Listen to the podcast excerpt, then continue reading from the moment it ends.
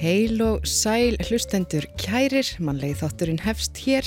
Það er þriðju dagur 10. oktober og við sitjum hér saman í hljóðveri og akkurýri Guðrún Gunnarsdóttir og Gíja Holmgersdóttir. Já, og eh, eins og við heyrðum í fréttum þá á svona að bæta í þetta óveður, það Já. er appilsínugul viðvörun fyrir norðanaustan og hérna búið að aflýsa öllu flugi til klukkan fjögur í dag Já. hér á akkurýri, sem sett til og frá uh, og við sjáum það er þau lauf sem eftir voru á trjánum uh, já, svona laus, þau eru farin já.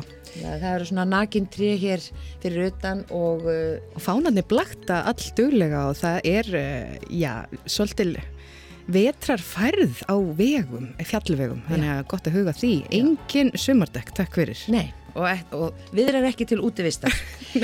En eh, við ætlum að renna yfir, yfir sögu þessa dags og sem við gerum á hverjum einasta deg og það má nú eiginlega kannski segja að þessi dagur muni koma eh, eða komast í sögubækur. Án Eva Eh, ráð þeirra að segja af sér Já. við munum eitthvað tíman lesa þannan móla upp í framtíðinni Já, sennilega bara næsta ári En árið 1908 þá var miðbæjarskólinn viður við tjörnina í Reykjavík Oktoberbyltingin eh, miðstjórn Bolsevika samþykti með 19 atkvæðum gegn tveimur að hefja undirbúning af vopnaðri byltingu í Rúslandi og það var á þessum degi 1917.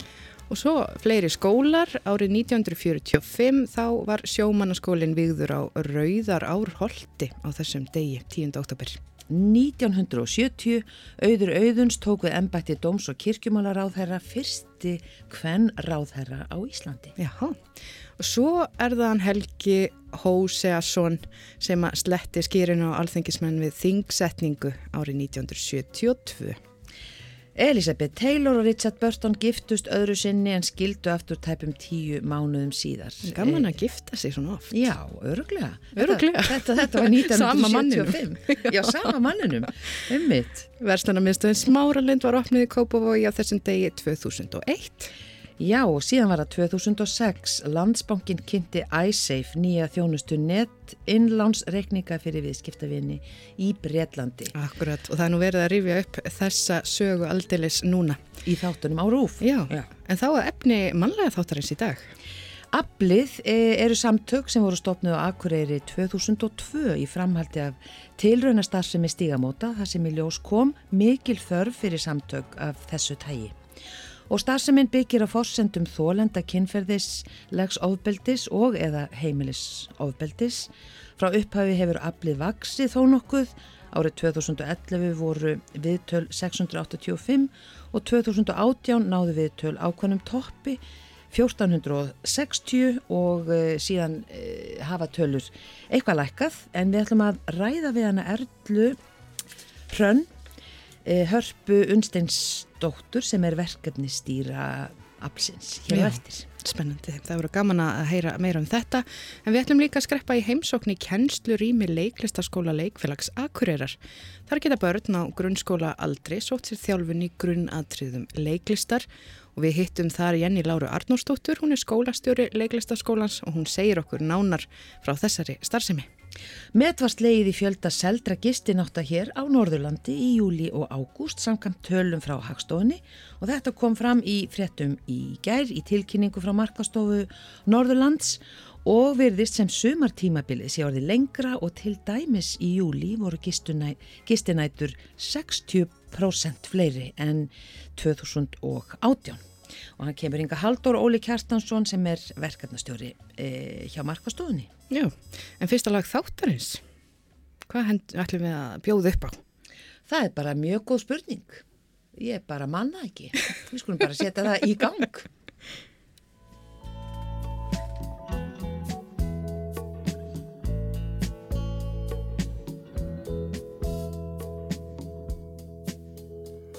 Að sittin á bar og sjá ekki neitt segi ég öllum mér finnist ei leitt. En raunin er svo ef ráðum við í Það er endar við höfum mei gaman að því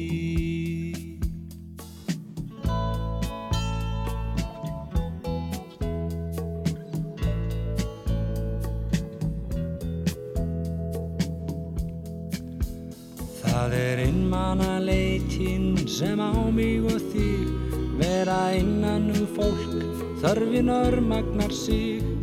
Ég augum lít fólkið álíktum dreg bara einmanna mann verur rétt eins og ég.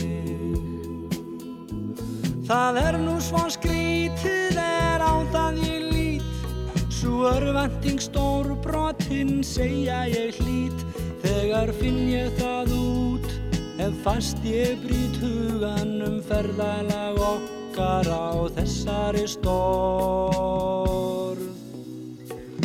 Alveg er sama hver ánægður dvel í allsnægtum mér verður ekkert um sel Hamingjan druknar sem dægur flugan í draumum um meira á allsnægta borð.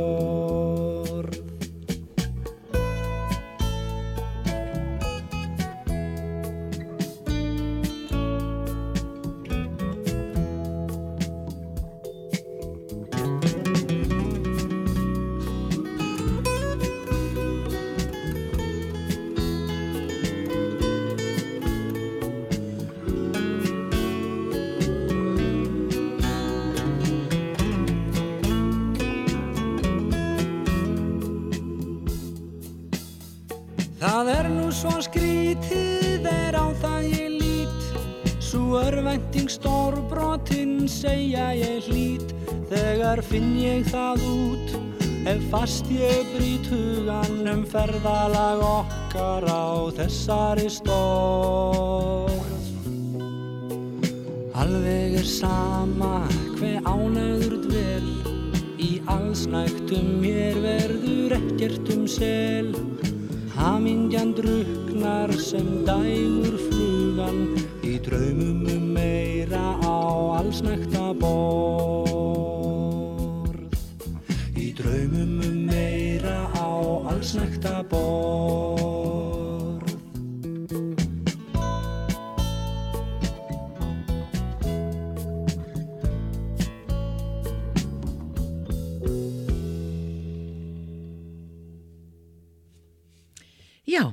þetta var, ef ég hef snúið í blaðinu, Gíja, þá Já. hef ég séð að þetta var lagið Það er svo skrítið, Viljámi Viljámsson söng og hann samti textan líka og Magnús Eiríksson samti lagið og þessi upptaka var gerð árið 1977.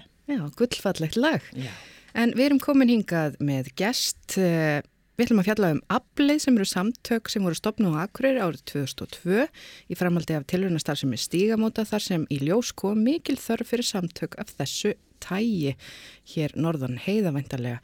Og hingað er hún komin Erla Hrönn Hörpu Unsteinsdóttir verkefnastýra Absins. Ertu velkomin í mannlega þáttinn? Takk helga fyrir það. Og við vorum einmitt að segja að, að eh, svona starfið ykkar hefur, hefur vaksið.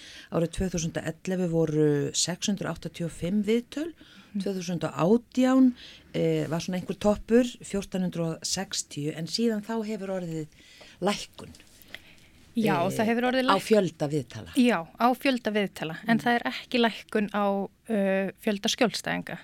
Það hefur verið aukning núna síðan ár og við erum með uh, fleiri skjó- skjólstæðinga núna síðastlega ár heldur en bara hefur verið síðan 2018. Þannig að ég myndi segja sko fækkun viðtala átti sér stað út af bara breyttum hugmyndum um hvernig viðtalin hvernig viðtalsarammin eða viðtölin eiga að fara stað, bara breyttar áherslur í starfi. Já, Þannig að það þýðir ekki að þörfin fyrir þessa þjónustu hafi mingað. Við sjáum það held ég frekar endur speglast í því hvað er að koma margi til okkar og hvað eru mörg, margi nýjir að koma til okkar á hverju ári. já. Hvernig svona lýsuru starfi absins? Hvernig, Þetta, hvert er umfangið?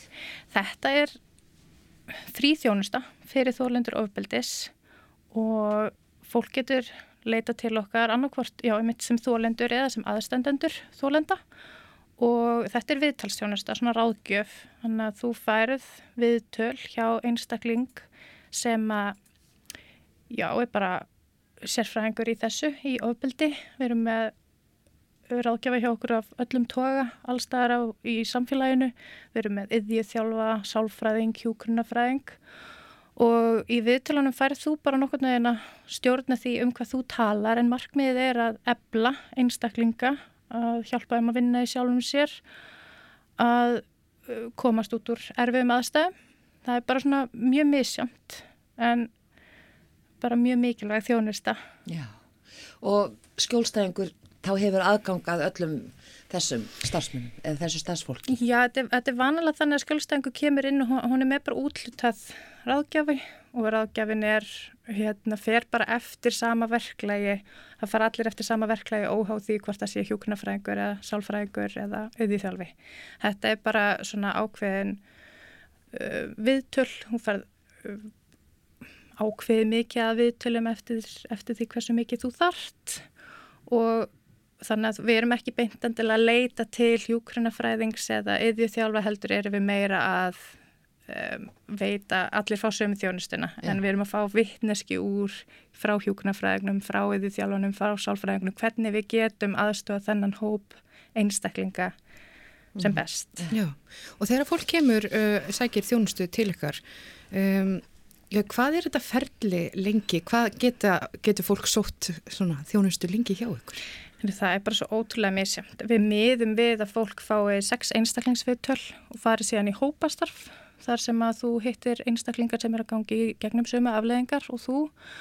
Og eftir það þá eru síðan eftirfyldarviðtöl en hversu langan tíma þessi sex viðtöl taka og þarf að bæta við einu viðtöli hér að þar, hvenar kemst inn í hóp, hvenar hendar þessi tímasetning þér, þannig að fólk getur verið hjá okkur í allt frá, ég held að minnsti stiðsti tíminn sem hún væri í þjónustu væri kannski þrjir mánuður en ég held að fólk sé alveg upp í sex, átta mánuði hjá okkur en það fer mm -hmm. náttúrulega bara eftir því er ert að fá eitt viðtal á þryggja fresti eða ert að fara í viðtal einu sinni viku. Þannig að þetta er, við reynum að vera það sem við kallum svona þólendamiðið að við förum bara eftir því sem að þeir sem til okkar leita þurfa. Þannig að já, það er bara rosalega misjönd Já og uh, svona hvaði já, svona hvaða hérna, hvaða fjöldi er þetta svona, já, í viku?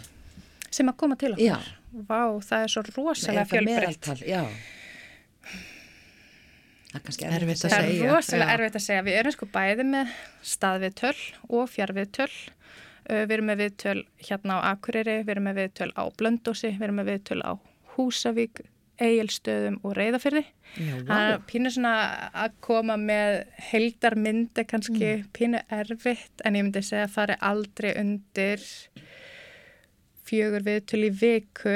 Mm. en það er, virðist einhvern veginn vera að þetta kemur í svona toppum og lægðum og það var rosalega lítið að gera í sumar og svo um leið bara og skólanir byrja, bara rútínan byrjar lífið að tekja sinn vana gang þá bara voru við full bókuð þannig að mm erfitt að segja meðaltal. Já, en þetta er endurgjastlaust. Já, öll þjónustan hjá okkur er frí. Mm -hmm. Og þú segir fjár viðtöl, mm -hmm. er það mikið nýtt úr ræði? Rósalega mikið Já. nýtt. Það er um, já, því miður bara löngbið eftir svona þjónustu á til dæmis höfuborgarsvæðinu sem bara hérna, mikið sótt til dæmis stígamót. Við höfum verið með skjólstæðinga frá Reykjavík en svo hefur líka verið með skjólstæðinga frá bara annar starf landinu sem er erfitt að keira til Akureyrar, erfitt að keira til Reykjavíkur þar sem að þjónustun er jáfnveil stöðugri ef að fólk sækir fjaraviðtölu heldur en að vera að keira ef að það er slemt viður eða erfitt að komast. Þannig já, það er mikið nýtt fjárþjónusta hjá okkur. Mm -hmm. og líka hérna já, bæði í þess sagt tölvu, svona fjaraviðtal og svo líka bara símaviðtöl. Þannig að bara öll flóran Mm -hmm. Aflið, eh, nú veit ég að þið eru staðsett með ykkar eh, svona íveru stað hérna mm -hmm. í mhm. innbænum á Akureyri í, í fallegu húsi þar eh, en það er nú fleiri úræði og þið eru kannski svona má lýsa ykkur sem fyrsta áfangastað og svo getur önnur úræði þar tekið við eða hvernig Nei, er þetta? Nei, ég myndi reynda að lýsa okkur sem svona öðru með að þriðja áfangastað, ég myndi segja fyrst er oft heilbreyðstjónusta, sjúkrahús eða löguröglega jafnvel, en bjarmalið sem starfa líka með okkur í húsinu, það er oft svona fyrsta stoppið. Það er pínu svona úrvinnsla, það er verið að sko hvers konar þjónustu þar að þessi einstaklingur og það er svona fyrir eitthvað stutt stopp, það er kannski eitt til þrjú viðtöl, bara komið þið að því þarf hann að komast í félagsstjárnustök, þarf hann að komast til læknis, bara vera að hjálpa einstaklingur svona fyrstu skrefin og það er oft vísað á aflið og aflið er einmitt þá svona annað þriðja stopp kannski. Og svo eins og varst að tala um í húsinu, þar er við líka með píeta og Já. við erum líka núna er hvenna að hverju komið skrifstofu hjá okkur vegna bara aukina umsvifa hérna á Akureyri. Hann að húsið okkar hérna litla í aðalstræti er orðið bara svona pínu kjarni svona bara þjónustu miðstöð og við erum bara ótrúlega spenta fyrir framtíðinni að vera fann að vinna svona náið saman Já, öll. Það hlýtur að skipta miklu máli. Skiptir rosalega miklu máli að bóðleðir í þessu síu stuttar og að fólk, að við getum tala saman fyrir þetta fólk sem er oft í mjög slæmri stöðu. Já, hvernig, svona, hvernig er þetta rekið? Fáðu þið styrki, ríkistyrki Herði, já, ég, er þetta einstaklingsframtak? Við fáum nokkur einstaklingsframlega en það sem að skiptir okkur mestu máli er uh, samningur sem að gerði við ríki. Uh, ég var því miður ekki að starfa þegar maður gerður, mér finnst eins og hann hafi verið gerður 2020 og ef að ég man alveg rétt þá er þetta svona í fyrsta skipti sem aflið hefur upplifað fjárhagslegt öryggi, þú veist ekki það að við séum að synda í peningum en meira það að uh, við erum ekki nefni hættu, við mm. getum haldið áfram að starfa núna og bara þessi ríkistyrkur hefur skipt sköpum. Já, þá er hægt að horfa svona lengra fram af við í starfseminni. Nákvæmlega og hefur verið það sem að uh, gera, gerða okkur kleift að fara á alltaf þessa staði, að vera komin til dæmis á blöndus núna, það er samningur sem við gerðum uh, við blöndus bara í mæ en hérna við uh, austur húnavarsíslu en þar fáum við líka náttúrulega styrk frá þeim til þess að koma þangað og sinna þessari þjónustu en gerir okkur allt kleiftum að, að hjálpa fólki á landsbyðinni mm -hmm. það er mhm. oft hérna Og hvað eru þið þá lengi eins og bara segjum sem svo að þið eru að fara á blöndós mm -hmm. auglísið þið þá að þið séu að koma og hvað eru þið þá lengi þar og hvernig, hvernig eru þið með starfseminna þegar þið eru að fara í þessa ferðir? Já, herri, þetta er þetta er svona misjamt, mm. eins og á núna þegar við erum á blöndósi þá er Uh, settum við okkur bara í samband við félagsþjónustan eða félagsþjónustan setti sér í samband við okkur og, og við kynnum okkur þar og svo bara auglísi við starfsemina þar og fólk sækir vanalega bara mjög fljótt um að komast í viðtöl og þá er skipulagt fram í tíman ein til tvær ferðir í mánuði sem er þá bara sólarhingur og fólk getur bóka sig á þann mm. dag yeah. en það, þá er búið að binda ein til tvo daga í mánuði í þessa þjónustu og við erum með starfsmann sem sinnir þessari þjónustu á þessum stað. Mm -hmm. og þetta var líka eins, þetta var svona eilstöðum hjá okkur líka. En núna erum við komið ráðgjafi sem starfar á eilstöðum og fyrr áriða fyrr sem er svona aðeins lengra ferðalag heldur en á blöndós mm. þannig að hérna já, við erum, að, við erum að prófa það, hvernig það reynist að vera með mm -hmm. ráðgjafa þar og svo er það sama á Húsavík, þar eru við með ráðgjafa sem er staðsettur á Húsavík þannig að þá geta viðtölun verið tekin aðeins meiri, meiri svejarleiki þar. Akkurat, já. og ef ég skilði rétt þá er félagstjónustan í hverjum, á hverjum stað sem svona beinir fólki að koma til ykkar? Stundum, já. Uh, ef að félagstjónustan veit af okkur og tristur okkur þá hafa þau já vissulega benda á okkur mm -hmm. en þau eru náttúrulega líka með úræði fyrir sig. Þetta er já, það, það er svona fjölbreytt. Já. Þannig að aflið eh, er orðið öflugra, getur við sagt? Já, ég vona það já. og ég vona að við höldum bara áfram að eflast og getum veitt fleiri einstaklingum á landsbyðinni þennan stuðning sem við getum veitt hérna aðkuriri. Já, e, bara í lokin, e, Erlarhönn, ég sé að þið eru aðilar að hvenna verkvallinu, 24. oktober. Nákvæmlega, við erum að hérna, nýbyrja að skipulegja það í þessi stað hérna bara á Akureyri og við erum að uh, hugsa uh, við erum að hugsa svona hvernig þetta verður framkvæmt hérna pínu ske, skammur, tí, skammur tími skammur tími, já, skammur tími já. til þess að fara að undirbúa já. en það sem við erum að líta á núna er að verði smá dagskrá á Ráðhústorki kl. 11 þann 2004 þegar að hvenna verkvallið er og við erum núna bara að leita styrkjum og, og fólki sem að vil vera með einhvers konar framlega á deginum annarkvort í einhvers konar formi gjörnings eða uh, skemmtinar eða þá einmitt bara vera með einhvers konar vinnuframlag og svo er við um, já, við, við vildum síðan bara koma þeim skilabóðum til skila að okkur finnst mjög mikilvægt að vinnustæði gerir konum kleift að hleypa þeim út af vinnustænum á þessum degi. Það er lagt upp með það að hvenna verkvelli sé allur dagurinn núna, ekki einhverju klukkutímar eða einhverju mínútur og við viljum líka hvetja vinnustæði til þess að taka ekki laun, hvenna að taka ekki af laununum þeirra fyrir að vinna og ganga út af vinnustöðum. Kæra þakkir fyrir komina í manlega þáttin Erla Rönnhörpu, Unstens dóttir, verkefni stýra, absins hér á Akureyri og eins og þau heyrðu þá er starfsaminn farin að færast víðar um landið. Takk fyrir komina. Takk helga fyrir mig.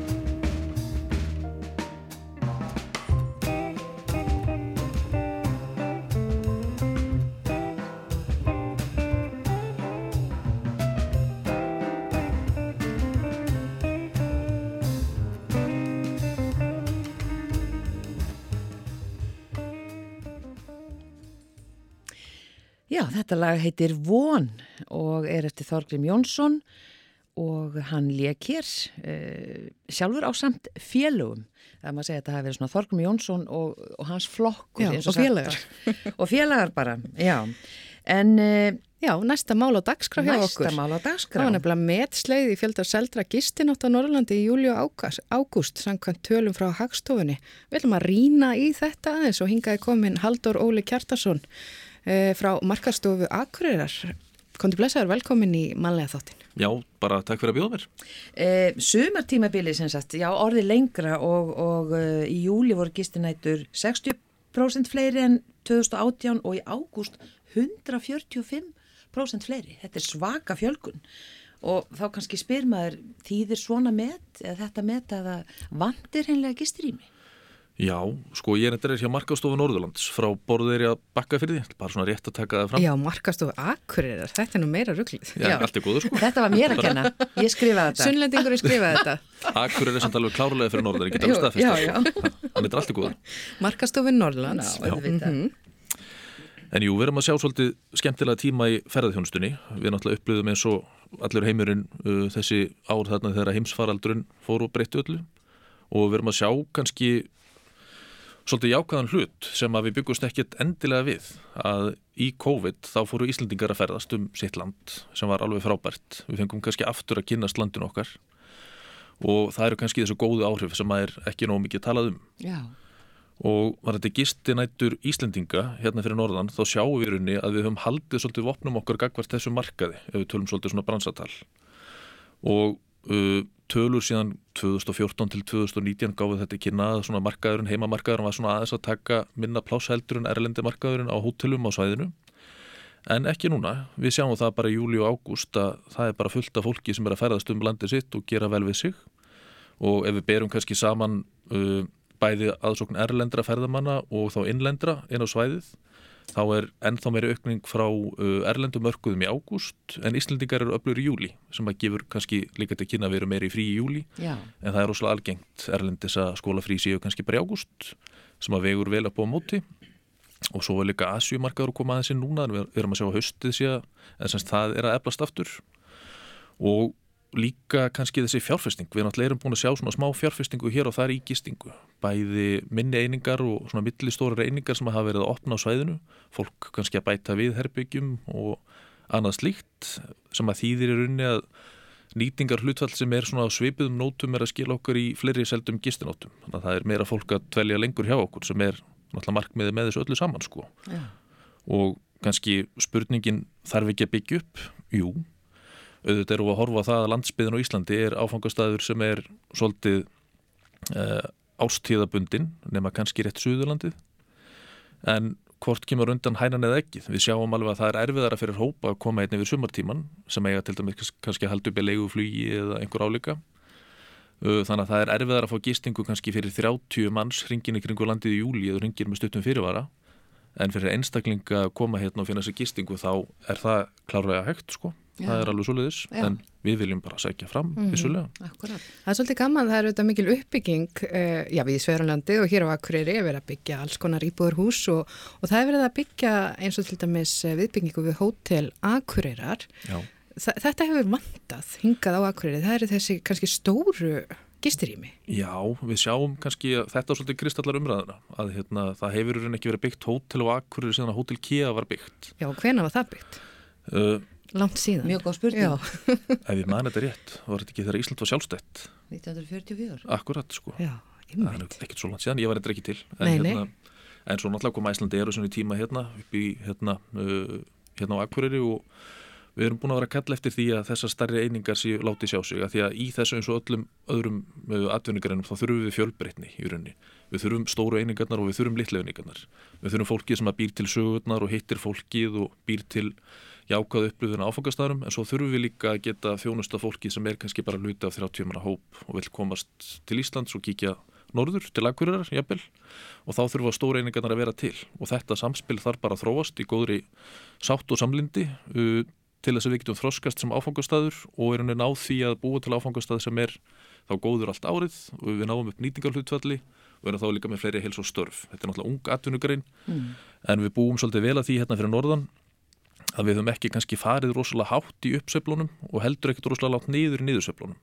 Þannig að vöxturinn á svæðun í fjárfestingu í þessum gæðum hefur bara verið nokkuð nokku góður og ég held að við þurfum bara alltaf að horfa fram á við uh, og bara sjá hvað framtíðin byrju skutu sér. Það er allavega bíluð takkifæri. Sko. Já, akkurat. Uh, Skemtifæraskipin, ef við kannski tölum aðeins um þau, það hafa kannski verið dálítið í frettonum og og bæjabúum finnst mengunin af þeim óásættanleg og ekki bara þeim, bara mjög mörgum öðrum en e, svona það er verið að tala um að þessi farþegar skilji ekki mikið eftir sig, skilji ekki nóg miklu í kassan eins og sagtir. Já, nákvæmlega. Er það e, svona er já, eitthvað sem markaðstofan kemur að hvað þetta var? Er þetta breyta þessu eitthvað eða hvað? Það er þetta breyta öllu, það er kannski svona stuttasvarið en svo er líka kannski svolítið, það er rauninni heila og sannleikur líka skemmti fyrir að skip skila, skila alveg fullt eftir sig sko. Við, það væri til dæmis ekki dagsferða business og akkuriri sem er undirstaða undir öllu vöruframbóði hérna ef það væri ekki fyrir skemmti fyrir að skip og það væri ekki að byggja pótil eða veitikastæði en hvernig við vinnum með þennan markhóp í rauninu og þessa tegund ferðamennsku er svo annað mál. Og það má alveg ebla þá vinnu, ég er alveg sammála því og það er einn mest stefnumótendi vinna í íslenskri ferðarþjónustu er í gangi núna, varðandi framtíði ferðarþjónustu sem að Lilja Alfred, Alfredsdóttir sett í gang núna bara fyrir stuttu og við erum að fara að sjá þá í rauninni einhvers konar aðgerðar áallun vera kynnta bara snemma á næsta ári. Ég held að þetta fær í samráðskátt allar þessar tilugur núna og þá getum við kannski tekið fyrstu skrefin í því að vinna áfram með hann á markup en hann er gríðarlega mikilvægur uh, en við sjáum líka til dæmis að mengun hefur minkað í rauninni, uh, skipafylgur nýttu kóti í endurni á búnað og það er verið að sitja um einhvers konar kerfi til þess að hafa hömlur á skipum eins og einhver segir. Uh, en kannski í raunin er í raunin verið að sitja um kerfi til þess að stýra frekar minna mingandi skipum til okkar þannig að það er verið að gera alveg fullt sko. Mm. og þetta er mikilvægt og þarna held ég sé bara rosalega gott tækifari á því að upphefja samtalið og reyna að nýta þessa kosti og innviði sem best sko. Já. Eh, maður, maður hugsa um svona aftreyinguna líka, skoðunaferðir og það sem að fólki er bóðið upp á komið því að markastofu Norrlands eitthvað að því að, að svona kortleggja alla þessa aftreyingu sem er hér í bóði. Já, heldur betur. Það er svolítið svona hjartað í okkar starfi, það er að vita hvað er gerast sko. Og við sjáum að tækifærin til þess að bjóða upp á vörur á svæðinu, þau eru endalus uh, vörur eins og til dæmis að kíkja á goða þó svo fyrir listikarinn, þetta er vinsalasta varan eða þú lendir hérna Já, þú talar um þetta sem vörur Já, þetta er vörur. Göngutúr í, í, í listikarinn Já, ég er, er ekki varað að þú getur kæft þetta? Þetta er svolítið svona upplöfni líka vara sko. Já. og þarna, semst, það er alveg ógreina vörur sem eru til, sem er á svæðinu. Það er rosalega mikið af fólki sem er mjög frjótti að þróa nýjar vörur til dæmis bara alvaganga í listikarinn, mm. dæmi um nýja vöru. Uh, en við þurfum líka einmitt að skoða þetta í þessu samingi til þess að geta haft þetta frambóð þá þurfum við líka að hafa gæsti í raunni uh, og eins er hægt að skoða hvort að skemmtifæraskip geta tekið þátt í því að hérna, bjóða upp á betra vöru frambóð og það er til dæmis bara með því að lengja döluðra þá bara komumst við víðar, getum gert meira Já, svona hjá Markastofu Norrlands, eh, hvað er svona starta verkefnið sem þið eruð að vinna að akkurat núna? Hvað er fókusin ykkar? Sko fókusun okkar, kannski grunninn er alltaf í rauninni að nýta uh, okkar innviði sem best, í rauninni mm. að fólk komi hérna alltaf áriðinu kring og það sem er í framleið í greininni uh, og til þess að stuðla því þá erum við með uh, fjöldamörgverkefni, önnur eða sögum stærn önnur, uh, til dæmis erum við að vinna beinu flugi, búin að gera það síðan 2011 sem er gríðala stort og mikilvægt uh, málefni og svo er gaman að segja frá því að við erum að fara í mjög stort og flott verkefni í samstarfi við landslutarsamtökin hérna á Norðurlandi, Norðurlandi eistra og vestra og Östurlandi og markað stofuna fyrir á Östurlandi líka í vöruþróun. Að því við vorum að tala um vörur á þann, þá semst er verið að sitja álækirnar uh, svona sérstatt verkefni sem heitir ströymkvörf og er hægt að fá upplýsingur um á síðun okkar. Það sem við erum að kalla þá til fólki í ferðarþjónustu á þessu svæði til þess að hittast og uh, móta og skapa nýjar vörur og upplifanir. Og þarna er að leggja hérna mikinn tíma uh, og, og kalla til mikla þekkingu til þess að nýta allt þetta frábæra fólk sem er hér á svæðinu til þess einmitt að búa til nýjar vörur og þá sérstaklega yfir vetratíman og í tengslum við þetta flug. Að því að þegar að uh, tækifæri eins og flug uh, koma til okkar þá verðum við að nýta það vel. Uh, þetta eru svona þetta eru stóru tækifæri og þá er það svolítið undir okkur komið að styðja við því og efla starfið. Og þetta er eitthvað sem ég vil endilega benda fólki á sem að starfa í ferðanastu svæðinu. Og þarna ætlum við í rauninni að fara að búa til vörur með áherslu vetratíman á þessu svæði og það verður allt lagt undir í þeim efnum. Akkurat uh, og talandum vörur þá var ég nú eitthvað tíman að lesa um uh, myrkur ferða þjónustu eins og myrkrið, við erum bara komin Já. hérna í norðuljósin og selja þau, þetta er svona markasetja myrkrið. Myrkrið, þetta Já. er nú hluti af svona þessum einkennum og kannski sérstaklega líka hérna svona norðarlega sem Já. maður þarf kannski að hugsa út í. Þetta er ákveðin gæði, þetta eru, eru kostur sem við getum nýtt okkur og einmitt sko, þetta er ekki bara norðuljós þetta, þetta er líka myrkrið, þetta, mm. þetta eru stjörnurnar þetta eru výðernin og bara ef við fyrir á langanis, það er nú ekki mikið um fjöll þar, þá getur við séð í raun endalust í allar áttir Já. og við erum að sjá mikla þróun á þessu bæði eru náttúrulega bara erlend samtök sem að gera út á þetta og við erum að sjá eins og þú remdir norðulega áfangastæði að leggja áslátt að þróu vörur í tengslu við þetta því að myrkrið einmitt er að gefa okkur þessi tækifæri og að horfa upp í loft og sjá hvað er að gerast í kringum okkur mm -hmm. þannig að þetta er, já, einmitt dæmum Ég held ég að við mitt lesið í, þetta í samhengi við draugasögur og, og svoleiðis nokkuð. Eitthvað tengt jáknarnum á myrka og vist að vera nú á þessu svæði. Já, Sagna ferðamennska er nú líka. Já, og sögutengt ferðarþjónusta í rauninni bara almennt og menningar ferðarþjónusta, hún, mm. er, hún er að vaksa mikið. Það var hérna í den þegar fólk var að svolítið að nefna sögutengta ferðust í tengslu bara við söfn, en þetta eru bara öll þessi menning og allar þessar sögur sem við eigum. Þetta er eitthvað sem við segjum og erum alltaf að verða betur og betur betri í að framræða gagvart þeim sem að vilja vita eða heyra sögurnar. Mm.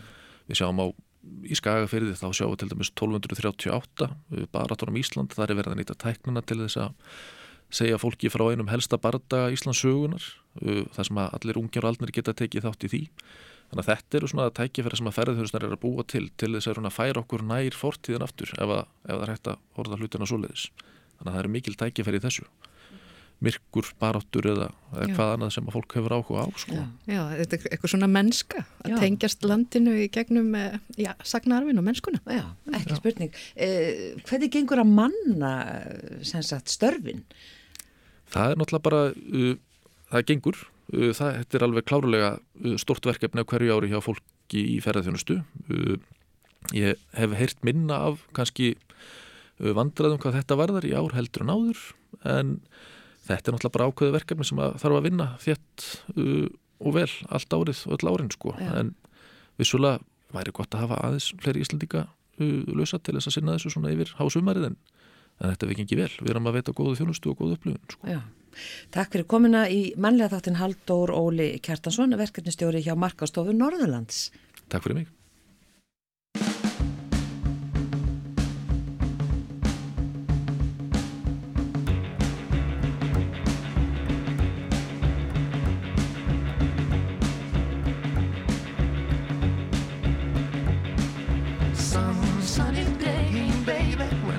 everything seems okay, babe. You wake up and find that you're alone. Cause I'll be gone.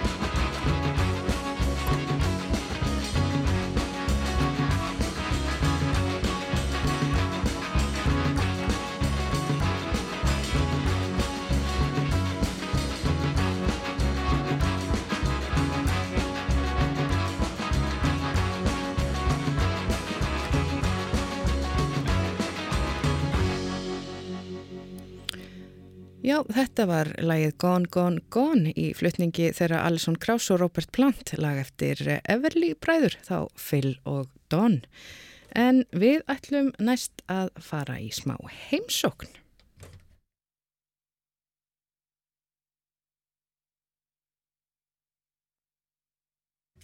Og heimsóknin er aðeins að, að koma hérna inn í, í teknimólinn. Og nú erum við að ganga inn í þetta rými, kellara í menningarhúsinu Hofi. Jenny Laura Arnúrstóttir, segðu mér hvar erum við núna?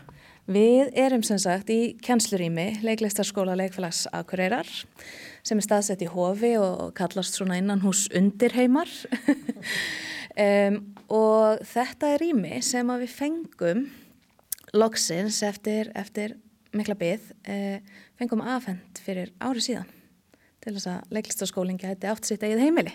Já, það er sniðið og þetta hefur verið um, já, mikið svona uh, framfara skref. Já, þetta var það. Hann var heimilislaus mjög lengi og þá svona var erfitt að ná einhverju svona jörð í tímana því að við vorum alltaf á sikkunum staðnum í hverjum tíma og stundum mætti maður til kjenslu og vissi ekkert hvar maður var að fara að kenna. Þannig að e, þetta hefur svona náða að hérna að gera það verkum að bæði nefndur og kennarar finna einhverja rætur og finna svona að þetta sé einhver held. Já. Mikilvægt að eiga sér einhvert stað. Já, það er bara mjög mikilvægt í öllu. en þetta, sko, þú ert hérna skólastjóri, skólastjóri leiklistaskóla leikfélags Akureyrar. Hvað ertu búin að vera í því starfi lengi? Ég tók við því starfi síðasta haust, um, hafði reynda verið í því áður 2018 en það var með allt, allt, allt öru sniði. En uh, síðasta haust var ég fenginn til að bara taka leiklistarskólan svolítið út og aðtöða bara hvað mætti betur fara og þú veist hvað væri verið að gera góða hluti og byggja svona á kjarnanum. En kannski svona já... Um, gera hann, þú veist, bæði rekstrarlega og kjænslulega betri mm um, og tók þá við starfi skólastjóra síðan þegar það var ákveð að halda áfram með leiklistaskólan og já, þannig ég er búin að vera hérna í eitt ár í þessu starfi eins og það er núna. Hvað eru margir eh, krakkar sem koma til ykkur og á hvaða aldri eru þau? Eh, þetta eru krakkar í öðrum til tíundabekk og þetta eru svona um 80 til 90, held að það mér að vera 97 í fyrra nefndur á uh, hverju önn. Það er svona, já, þetta er svona flakkar aðeins á milli, milli anna og ára. En já, en þetta er alltaf á bylunu 80 til, já, kannski 95 Það er nú bara ágættis fjöldi. Já, við erum rosa ánað og í rauninni erum alveg, við, við í rauninni því miður getum ekki tekið við fleirum af því að skóla, eða stundaskráin er bara full og það er fullt og stundum aðeins meira en það í flesta hópa. Þannig að. Þannig að þau geta byrjað í öðrum bekk. Það er svona það yngsta. Eh, sérðu að þau eru svo að halda áfram, eh, sækja þau að koma aftur og aftur og aftur? Já, mörgaðum gera það og sérstaklega ef þau eru virkilega á þessu. Þetta er maður þegar maður er sko 7 til 10 ára að prófa alls konar. Eh, en við sjáum alveg að, og sérstaklega núna, það eru nefndir núna í Jólingadeild sem eru búinir að vera frá því að þau voru í öðrum bekk og búið að vera mjög skemmtilegt að fylgjast með svona þeirra ferli í gennum skólan og, og hérna þeirra vexti og þroska í leiklist um, Þannig að já, það er svona hugmyndin að þau geti haldið áfram og það sé svona, þú veist, það sé alltaf að bætast eitthvað við á hverju ári sem þau eru hérna. Já. E, maður hefur nú heyrt af svona leiklistarkennslu annar staðar að það sé í samstarfi við eins og maður hefur hýrt að í borgarleikursunu og, og þessi krakkar eru svo að síjast inn í þessar stóru, stóru síningar þar. Mm. Hvernig er það hérna hjá leiklistaskólanum, hjá leikfélagi Akureyrar? Eru krakkarnir síðan uh, að fá þeir að taka þátt, verða allt í einu svona næstum aðtunum menn? Sko það hefur ekki reynd náðu mikið á það, það ekki, hefur ekki verið oft undarfærin ár kannski sem að eru hérna, börn eða leika í, í verkum. Uh, en það er svona það sem við stefnum á. Einmitt síðustu jól tóku við þátt í jólastundinni okkar til dæmis. Og svona þannig að það er svona já, það er, svona, það, er það sem við viljum gera og þau geti þá allavega sótt pröfunar sem eru fyrir leikverkin og séu þá með góða undurstöðu í þessu. Og skilja líka út á hvaða gengur. Og það er mjög mikilvægur partur af náminu er að skilja út á hvað það gengur að taka þátt í leiksningu þú veist, hvað, hvernig maður á að hefða sér bakvið, hvað, hvað, hvað er ætlast til að manni, bæði á bakvið á sviðinu og hérna, og ég tel að okkar nefndur séu bara mjög vel undirbúin fyrir það. Já. Eh, aðeins að leiklista skólanum sjálfum, bara sögu þessa skóla, mm -hmm. þú sagðist að það tekið við honum þegar að, hérna, kannski aðeins svona, ég verði að endurskoða hvernig all, öll starfsemin er í kringum, en hvað nær sagan eiginlega langt aftur, hvað hefur ekkert að nefna árið að neitt en svona er þetta eh, á leiklistaskólinn hérna við leikfélag Akureyri árið sér langa sögu? Já, uh, það var hún Marja Sigurðardóttir uh, sem að stopnaðan þegar hún var leikustjóri hérna sem er nú dáliti síðan uh, þannig held að hann sést búin að vera starfræktur í yfir 20 ár og, og aldrei hérna slitnað starfseiminn Þannig að hann er búin að vera hérna lengi þó svo að lengi vel hafi fólk ekki endilega vitað mikið af honum. Um, og þá var umhverfið svolítið annað, það voru leikarar og samningi sem voru fengnir til að kenna og svona en, en hérna síðan held þetta bara áfram í sama fari en síðan þurfti að fá einn kennara því að kjara samningar breyttust og þurfti að fá einn sér kennara en sko það var aldrei skoðað samt alveg hvernig skólinn starfaði sem heilt og innan leikfélagsins eða menningafélagsins. Þannig að fyrir árið síðan þá var ákveðið að fara í þá vinnu til þess að, að hérna bara að aðtöku hvort að ætti að haldunum áfram eh, eða bara að slúttunum og þetta hefði það verið mjög leðilegt með, veist, þegar það komið svona löng saga og búið að byggja eitthvað upp og bara sem betur fyrr náðu við að hérna, búa til umgjörð sem að býður upp á bæði að hann standi undir sér en líka við bjóðum upp á góða mentun. Svona að lokum, Jenny Laura, hvað er það sem að þú ert svona ánaðist með núna eftir að þú tókst við starfi skólastjóra? Hvað hefur verið svona gefið þér mesta, ja, mestu ánægina?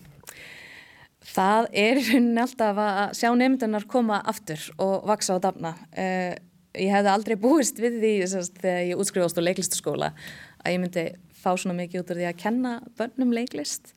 En já, það er klárlega það sem að gefur manni mest er að sjá því vaksa á dafna og springa út á sviðinu.